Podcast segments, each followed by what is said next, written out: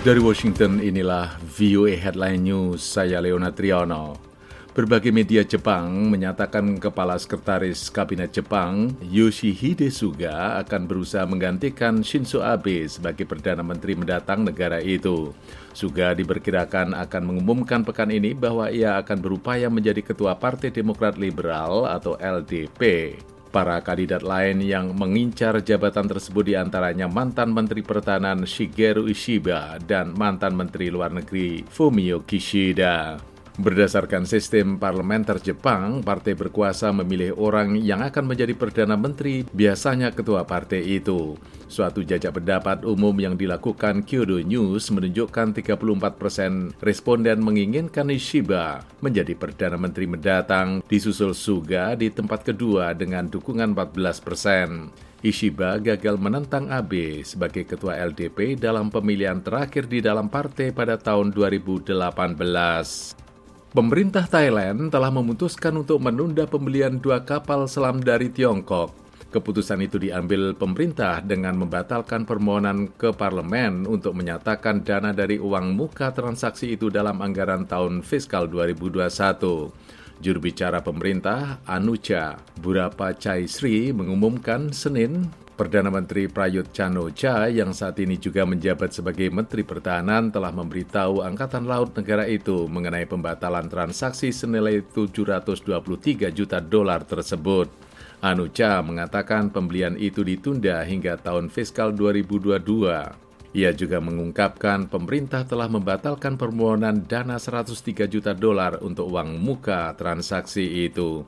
Pembelian kapal selam menjadi isu politik hangat di Thailand. Banyak pihak menyatakan pembelian itu tidak bisa dibenarkan sewaktu negara itu menanggung beban ekonomi besar akibat wabah virus corona. Isu itu juga menimbulkan perpecahan di pemerintahan koalisi yang berkuasa, di mana sebuah partai yang menjadi mitra utama menentang penyertaan uang muka transaksi tersebut dalam anggaran. Anda mengikuti Headline News, VOA Washington. Amerika hampir melampaui catatan 6 juta kasus virus corona terkonfirmasi serta 183 ribu kematian, keduanya angka tertinggi di dunia. Menurut data Johns Hopkins University, empat negara bagian melaporkan rekor kenaikan kasus baru dalam satu hari. Masing-masing, Iowa sekitar 785 kasus, North Dakota sekitar 375 kasus, South Dakota sekitar 425 kasus, dan Minnesota sekitar 1000 kasus. Sementara itu Montana dan Idaho menyatakan jumlah kasus COVID-19 yang dirawat di rumah sakit juga mencatat rekor. Sementara kawasan tengah Amerika menjadi pusat perebakan terbaru wabah virus corona, secara keseluruhan Amerika mencatat penurunan jumlah kematian, pasien yang dirawat, kasus baru, dan yang tesnya dinyatakan positif COVID-19. Lonjakan kasus baru dapat dilacak ke pertemuan-pertemuan besar di Iowa, beberapa county atau daerah setingkat kabupaten di mana University of Iowa dan Iowa State University berlokasi melaporkan sebagian besar dari kasus baru itu. Kedua perguruan tinggi itu juga menyelenggarakan beberapa kelas yang dihadiri mahasiswa. Penularan lainnya dapat dilacak ke rally motor tahunan di Sturgis, South Dakota, termasuk 88 kasus di South Dakota saja. Meskipun Amerika mencatat jumlah kasus terbanyak di dunia, kasus per kapitanya menduduki posisi ke-10. Menurut penghitungan Reuters, Brasil, Peru, dan Chili memiliki tingkat kasus per kapita yang lebih tinggi. Amerika juga mencatat kematian paling banyak, lebih dari 183 ribu, tetapi menurut Reuters, Amerika berada di peringkat ke-11 untuk kematian per kapita.